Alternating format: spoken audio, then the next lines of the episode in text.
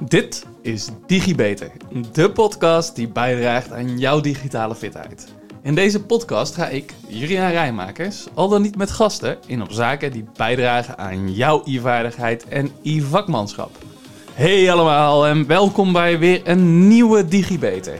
De vorige keer ben ik ingegaan op de interactie tussen jou als gebruiker, de hardware en de software. En in deze podcast ja, daar wil ik illustreren wat er nou gebeurt als je je systeem aanzet. Als je bijvoorbeeld een stukje software opstart, omdat het nog altijd een podcast is en ik niet echt een video of afbeeldingen erbij heb, zal ik blijven proberen om het zoveel mogelijk beeldend voor je te maken. Dwingt mij in ieder geval om goed na te denken hoe ik het zo eenvoudig mogelijk uit kan leggen. En gelukkig heb ik het opstarten van een systeem al eens eerder behandeld, dus het eerste deel zou je bekend voor moeten komen. Ik wil beginnen met hoe de hardware en de software nu samenwerken. Bijvoorbeeld het opstarten.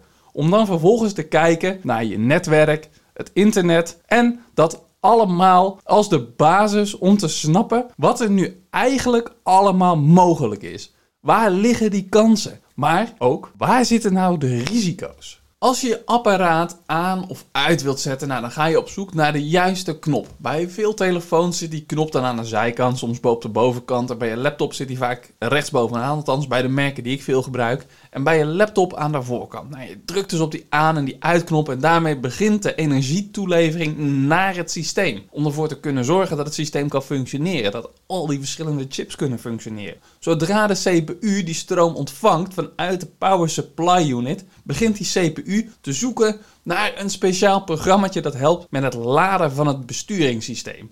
Het programmaatje, daar heb ik het alles over gehad, hè, dat is onder andere de BIOS Basic Input Output System.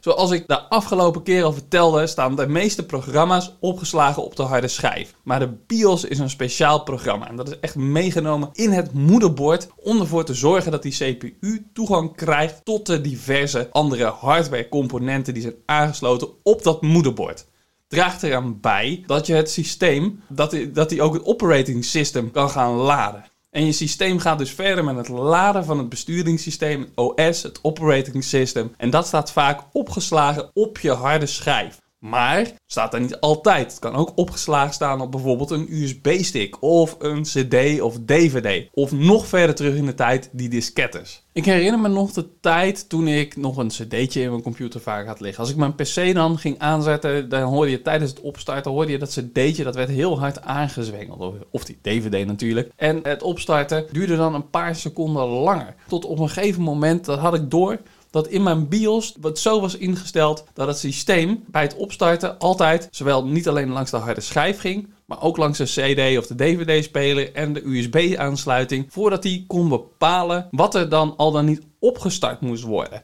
En als dat er meerdere waren, nou, dan ging hij op alles kijken waar, welke bootcode er dan geladen moest worden. Zodra het systeem dan bepaald had wat er opgestart moest worden, dan pakte hij de bootcode en laadde die die in het RAM-geheugen. Dat korte termijn geheugen waar ik het vorige keer over had.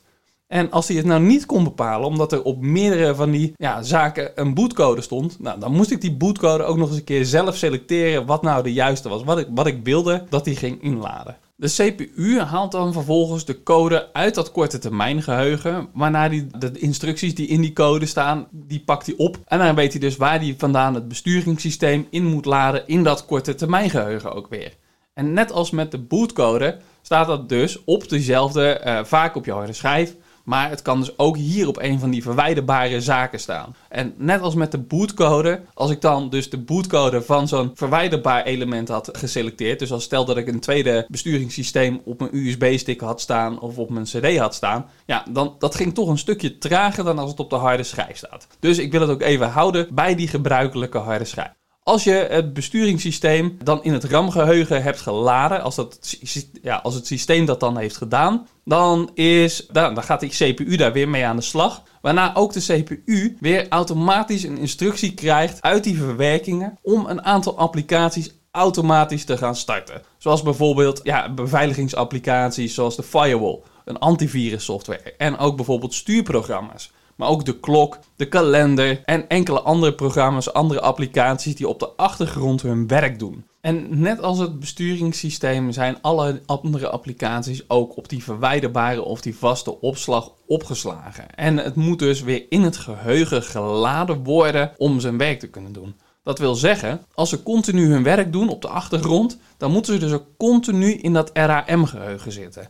Kortom, hoe meer programma's je continu beschikbaar wilt hebben, gemerkt of ongemerkt, zoals, uh, ongemerkt zoals een worm, ja, hoe meer geheugen je dan vaak nodig hebt. En hoe een sterkere processor je nodig hebt om dat allemaal weer te kunnen laten werken. Zodra die hele spullenboel dan draait, ja, dan kan jij aan de slag gaan met je systeem. Als er een gebruikersnaam en een wachtwoord zijn ingesteld op je computer, nou, dan is dit het moment waarop ja, eigenlijk de basis is opgestart. En jij dus jouw gebruikersnaam en je wachtwoord een keertje in kan gaan voeren en aan de slag kan gaan. Maar er zijn natuurlijk, ben je er dan nog niet? Want zodra je ingelogd bent, dan wil je natuurlijk aan de slag. Je zet niet simpel je systeem aan om daarna niks meer ermee te gaan doen. Tenminste, uh, behalve je muis dan over het scherm heen en weer bewegen. Je gaat dus applicaties starten en je gaat dan applicaties inladen. Maar wat gebeurt er dan? Nou, ik wilde eigenlijk een grapje maken over koffie. Want wat zegt de koffie tegen zijn computer? Ja, sorry, ik kan nog niet werken. Ik heb nog geen Java gehad. Goed, slecht grapje. Uh, ik, zei, ik zei al, de computer die start slechts enkele applicaties uit zichzelf. Het is niet normaal dat het systeem uit zichzelf bijvoorbeeld direct de webbrowser opent.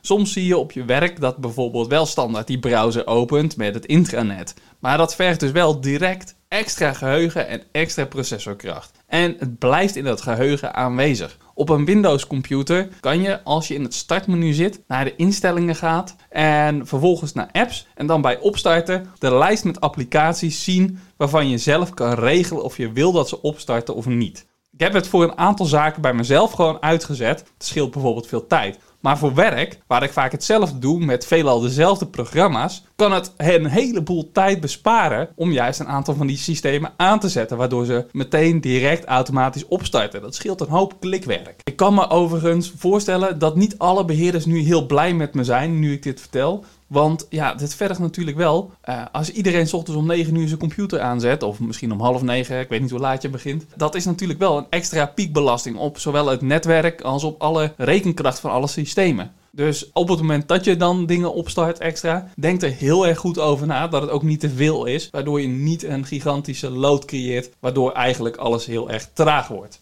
Maar als het dan niet automatisch opstart, nou, dan geef jij als gebruiker geef je vaak de opdracht om een programma op te starten. Dat kan met allerlei sneltoetsen, waardoor het vaak eenvoudiger en sneller gaat. Maar ik ga er even van uit dat je nu gewoon als gebruiker met je muis gewoon dubbel klikt of enkel bij een app op je telefoon zo tikt om een applicatie op te starten waarvan het icoontje op je beeldscherm staat. Nou, dat dubbelklikcommando dat wordt verwerkt door het besturingssysteem. Dus dat draait op het RAM-geheugen, het korte termijn geheugen van je computer.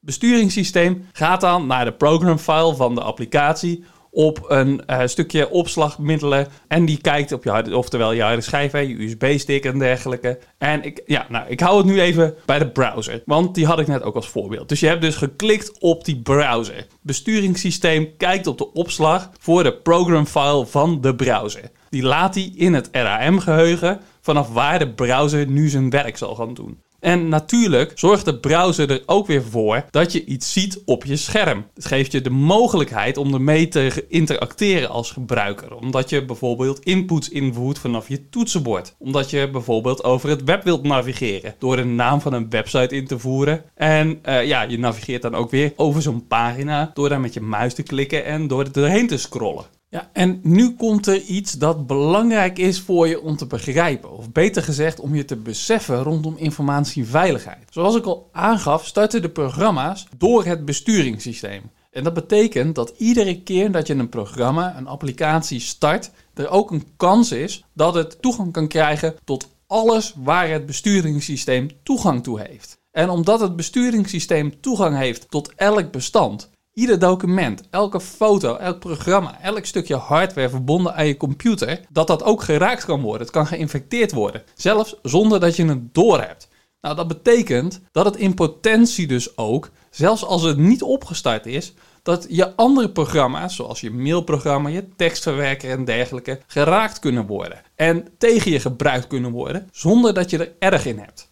Nou, als voorbeeld is het mogelijk om een applicatie, zoals bijvoorbeeld een keylogger, te schrijven. Een applicatie die je toetsaanslagen registreert en dan in het geheim je internetverbinding weer gebruikt om deze informatie te verzenden naar iemand anders. Die andere partij kan dan daarmee aan de slag om dat te analyseren en bijvoorbeeld op zoek te gaan naar gevoelige informatie zoals gebruikersnamen, wachtwoorden en dergelijke. Dit is iets dat al lang op de markt is, dus ik hoop dat ik je niet iets spannends vertel. Dat het er is, wil overigens niet zeggen dat het op jouw computer, op jouw laptop, jouw telefoon of jouw smartphone staat. Maar als je je afvraagt waarom een beveiligingspakket op al je apparaten zou moeten staan, dan is dit mijn antwoord. Nou, ik denk dat je nu wel een beetje een beeld hebt door dit en door de combinatie met het uh, stuk in de vorige podcast over de hardware en hoe het een en ander samenhangt. Ik hoop dat het begrip van deze samenhang je uiteindelijk onder andere helpt op het gebied van informatiebeveiliging, hoe en waar cybercriminelen graag te werk gaan. Maar natuurlijk hoop ik ook dat het je inzichten verstrekt over data, over informatiehuishouding, architectuur, lifecycle management. Tot aan zelfs de complexiteiten die je kan tegenkomen in project- en portfolio management. En de samenhang tussen al deze specialismen. Maar ook dat het je doet aanzetten tot het denken over mogelijke innovaties. Of wat innovaties voor een effect kunnen hebben op de huidige situatie. En nu je deze ene computer een beetje begrijpt en ik toch ook al met de browser als applicatie bezig was, wil ik toch nog een keertje teruggrijpen naar de vierde podcast waarin ik inging op het internet. Een netwerk vol computers. Want ja, dat kan ook wel enige herhaling gebruiken. En ook hier en daar nog wel wat aangevuld, wat uitgediept, wat verbreed worden. Ik zal ook een een en ander weglaten, omdat ik dat al eerder besproken. Met andere woorden, die vierde podcast moet natuurlijk wel de moeite van het luisteren waard blijven. Hoewel, ja, nou, ik hoop wel dat er wat verbetering in de kwaliteit is sinds, sinds het begin. Ik wil nu dus graag ingaan op wat het internet is en hoe het werkt. En hopelijk helpt het je uh, ook in de komende podcast om beter die link te leggen met waar nou bijvoorbeeld de risico's zitten. Nou, kan je je voorstellen dat je leeft in een wereld waar computers onderdeel zijn, hè, een belangrijk onderdeel zijn van ons dagelijks leven, maar dat er geen internet zit op jouw computer? Nou, voor mij was dat wel waar het ooit mee begon. Een PC, een stapel diskettes en een tekstverwerker op die computer. Nou ja, het besturingssysteem. En uh, ja, voor mij samen met de spelletjes was dat het belangrijkste wat erop stond. Maar stel je nou eens voor, je bent een wetenschapper en je zet de onderzoeksresultaten op je systeem. Nu zijn er een heel aantal van jouw collega's die willen ook graag bij die data. En een manier om ze toegang te geven tot die data is dan alleen om ze toegang te geven tot jouw computer. Ja, dat is leuk, maar er zitten een heleboel vrij direct merkbare beperkingen aan, die je logischerwijs zelf wel kan beredeneren. Althans, dat vermoed ik van wel. Want als iedereen op hetzelfde moment achter het systeem moet zitten, ja, bij ons thuis moesten we computertijden afspreken. Want ja, niet iedereen had zijn eigen computer. En zo'n ding kostte behoorlijk wat geld. Dus dan, ja, dan moesten we het afwisselen, moesten we ombeurten. En dat gaf af en toe zeker wel wat ruzie. We hebben nu dus bedacht dat het delen van zo'n systeem, ja, dat is eigenlijk niet zo praktisch. En we moeten toch iets bedenken waarop we wel die data kunnen delen. En er even van uitgaande dat we weten dat er data is, hè, dan kunnen we uh, die data dus gaan printen. We kunnen het kopiëren naar een cd, naar een dvd of naar een usb om het zo over te dragen. Maar ook hier kan je logischerwijs een heel aantal beperkingen bij bedenken overtypen van een geprint velletje met data, ja, dat kost heel erg veel tijd. Het is foutgevoelig. En de data verplaatsen in alle gevallen, zelfs wanneer je collega slechts drie verdiepingen of vier verdiepingen lager zit, dan, dat is best wel tijdrovend. Dus er moest een nieuwe manier komen om data te delen. En daar komt een netwerkverbinding om de hoek kijken. We verbinden gewoon twee computers aan elkaar met een netwerkverbinding, zodat ze direct data kunnen delen. Maar goed, ook de twee computers, ja, die kennen uiteindelijk weer hun beperkingen. En daarom zie je dat de meeste organisaties, die hebben wel een netwerk van computers. Nou, de voordelen van zo'n netwerk, ja, die mogen duidelijk zijn. Als je bijvoorbeeld buiten je eigen computer gigantische uh, hoeveelheden data moet delen, je kan het backuppen, maar je kan ook in één keer als een gebruiker inloggen op een heel andere werkplek dan je eigen vaste systeem. Ofwel, je kan dus op meerdere locaties aan de slag. En hopelijk niet tegelijkertijd. Want uh, ja, met je eigen account inloggen op meerdere plekken in een netwerk, ja, dat geeft een hoop risico's natuurlijk weer. Maar ja, door het netwerk kan je verbonden worden met een soort van hubs, een centraal punt of centrale punten in het netwerk. Zoals uh, print- of repro-ruimte, vergaderruimte. Zodat je ja, met z'n allen rondom een computer, ja, dat Dat rond, daar hoeft niet meer om daar rondomheen te kruipen. Ja, je hebt er gewoon een grote zaal buiten, een ruimte waar je bijvoorbeeld met z'n allen achter zo'n groot WebEx, Teams of Zoom scherm kan gaan zitten. Dus met z'n allen rondom zo'n computertje, dat doet dus niet meer. En iedereen een eigen printer, ja, dat hoeft dan ook niet meer met zo'n netwerk. En dan vind ik het wel weer tijd voor een grapje, want waarom had het computernetwerk last van kou? Nou, omdat het op verschillende plekken een paar Windows open had staan. Genoeg met de slechte grappen voor vandaag. Stel je eens voor, je bent niet dat grote lokale garagebedrijf, maar je bent onderdeel van een keten, van een franchise of van een grote organisatie. En je wilt dit soort data buiten je huidige locatie gaan delen met een andere locatie. Op die andere locatie ligt waarschijnlijk ook al zo'n netwerk. Maar hoe bereik je ze? En hoe deel je jouw verkoopcijfers? Of misschien nog wel een beter voorbeeld, je actuele voorraad, zodat je niet beide die paarse auto met groene en blauwe en witte stippen hebt staan, omdat die waarschijnlijk moeilijk verkoopt, wil je er natuurlijk geen twee van hebben staan. Als we een netwerk gaan verbinden met een ander netwerk, dan krijg je een netwerk van netwerken. Oftewel, een internetwerk. Het internet is een gigantisch netwerk van zulke netwerken. Besef je dus dat het internet niet het enige voorbeeld is van internetworking, maar het is slechts het grootste. Ook het dark web bijvoorbeeld is een internetwork. Het internet is echter hetgeen waar jij waarschijnlijk het meeste vooral mee aan het werk bent. En dus ook hetgeen waar ik me op wil focussen. In ieder geval voor nu dan. Maar het aan elkaar knopen van al deze netwerken, dat doe je natuurlijk niet zomaar. Daar is speciale apparatuur voor nodig. Denk aan kabels, apparaten die de data kunnen verplaatsen om de hele bedoeling lekker te laten werken, dat soort dingen. Van wie is die hele spullenboel dan? Hè? Van wie zijn al die kabels, al die apparaten die het internet mogelijk maken? Wie maakt ze wanneer ze kapot zijn? Nou, dat zijn de Internet Service Providers, waar ik het in de podcast over internet ook al over had. De ISP's. Dat is eigenlijk het eenvoudige antwoord. Als we willen weten wie er nou achter zitten, nou, dan wordt het al een stuk complexer. Je ziet namelijk een onderverdeling in de Internet Service Providers in lagen.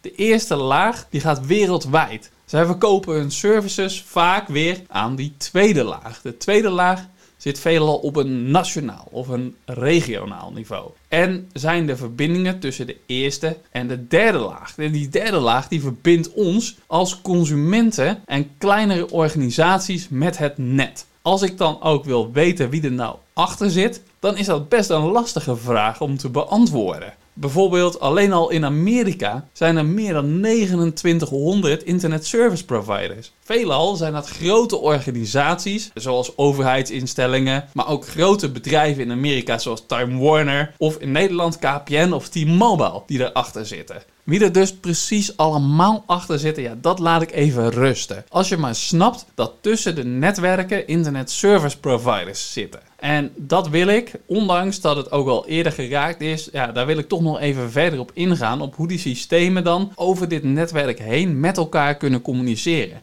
Je kan niet zomaar met elkaar praten, want het zijn systemen. En die systemen hebben dus gerichte regels nodig om met elkaar te kunnen communiceren. Om die informatieuitwisseling mogelijk te maken. Onduidelijkheid mag niet.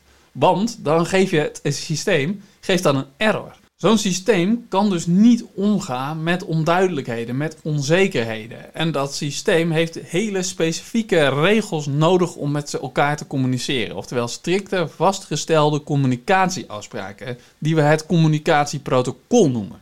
Die communicatieprotocollen heb ik het al vaker over gehad volgens mij. Want daar gaat het niet alleen over communicatie via het internet, maar het gaat ook over communicatieprotocollen voor bijvoorbeeld Bluetooth, voor wifi en voor andere draadloze of bedraden signalen. Voor het internet is dat protocol geworden het internetprotocol, oftewel IP.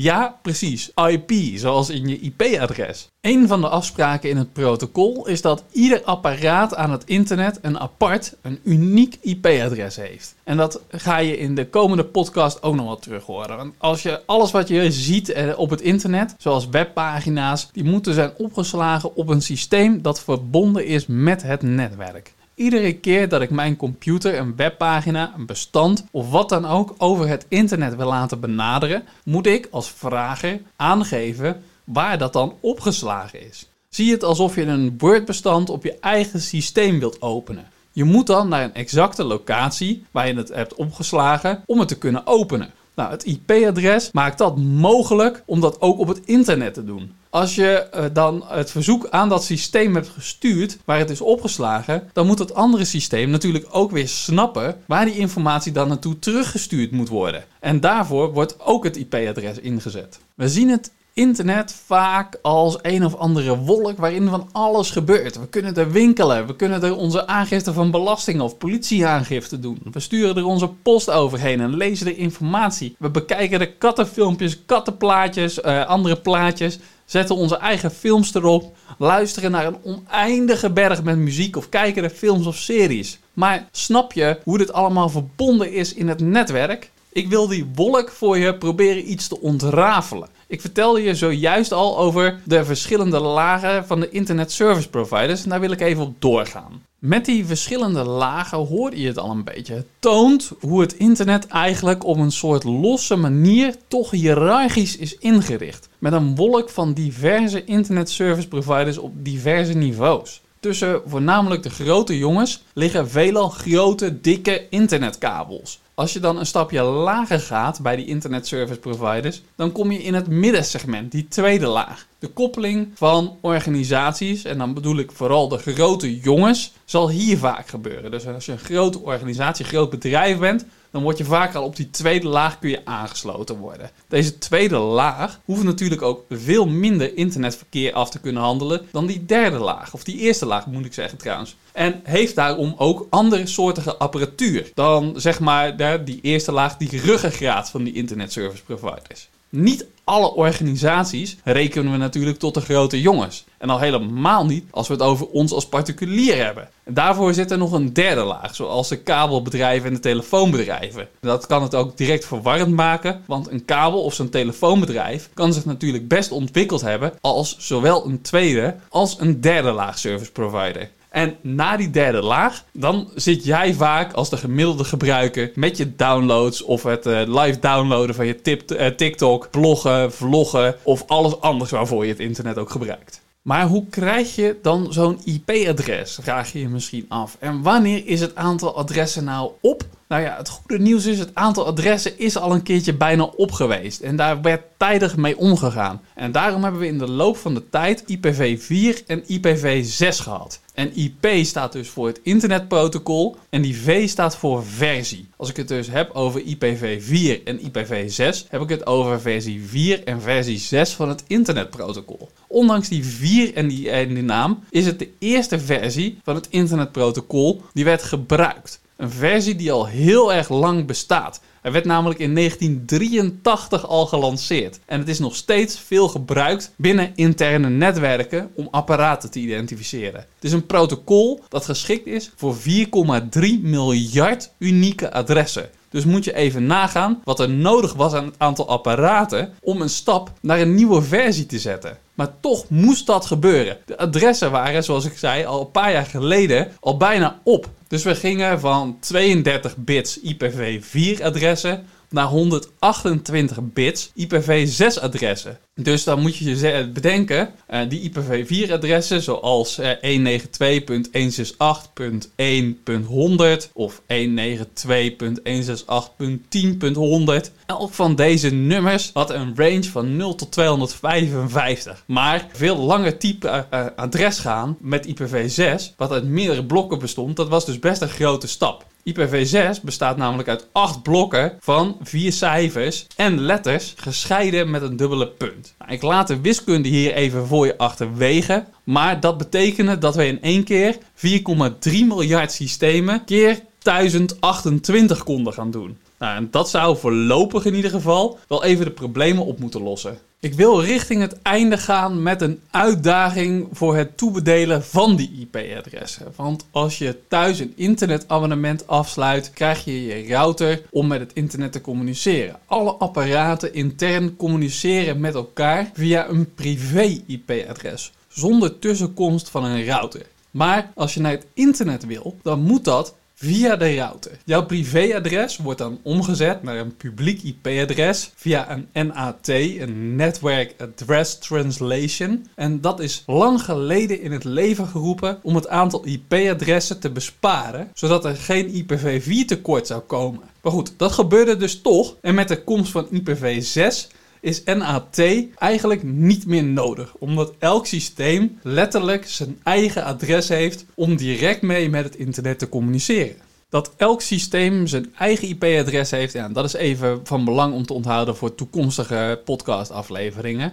Met IPv6 werd dat adres nog aangepast. Die aanpassing ging ongeveer als volgt. Stel je verbindt een bedrijf of jezelf met het internet via een router. Dan krijgt uh, het router een IP-adres en dat is bijvoorbeeld 197.12.19.254.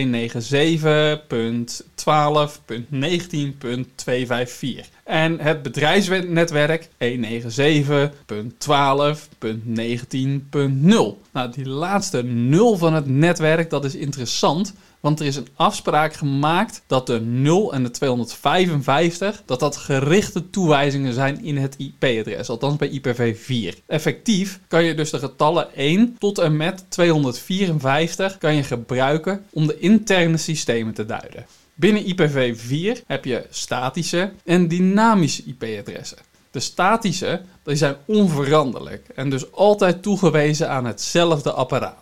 Maar omdat niet elk apparaat altijd verbonden is met zo'n netwerk, kun je het aantal apparaten vergroten in het netwerk doordat je het uh, dynamisch maakt, doordat je gebruik maakt van dynamische IP-adressen.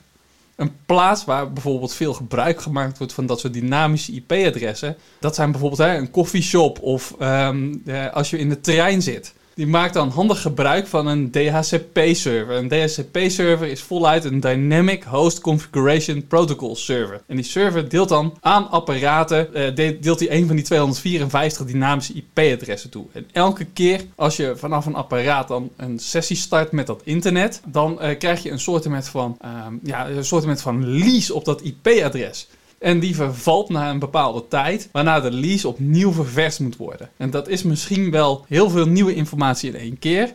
Maar in ieder geval, uh, het onderliggende concept valt dus eigenlijk wel mee. Het enige uh, is dat dus de laatste 1, 2 of 3 cijfers in plaats van standaard toegewezen aan een apparaat, dus nu flexibel zijn. Op basis van de behoeften van de verbinding met het internet. Het voordeel van verbinding met dynamische IP-adressen, ja, dat mogen duidelijk zijn. Is, je kan met veel meer apparaten met het internet verbinden dan als al je apparaten een vast adres hebben. Dat maakt ook dat er in principe geen problemen met conflicterende IP-adressen zijn. En daarnaast is het instellen van een dynamisch IP-adres eigenlijk heel eenvoudig en eigenlijk standaard voor bij je thuis. Een nadeel van zo'n dynamisch adres is echter dat het adres telkens verandert. Nou, dat is logisch, want het is een dynamisch adres. Maar vanaf buiten heb je het risico dat dan een systeem dus niet meer herkend of gevonden wordt. Nou, het voordeel van een dynamisch en statisch IP-adres is dat het altijd beschikbaar is voor ieder specifiek apparaat. Dus is het apparaat ook goed betrouwbaar vanaf buitenaf te benaderen. In je router heb je een gereserveerde stoel. En die stoel is eigenlijk voor jou alleen.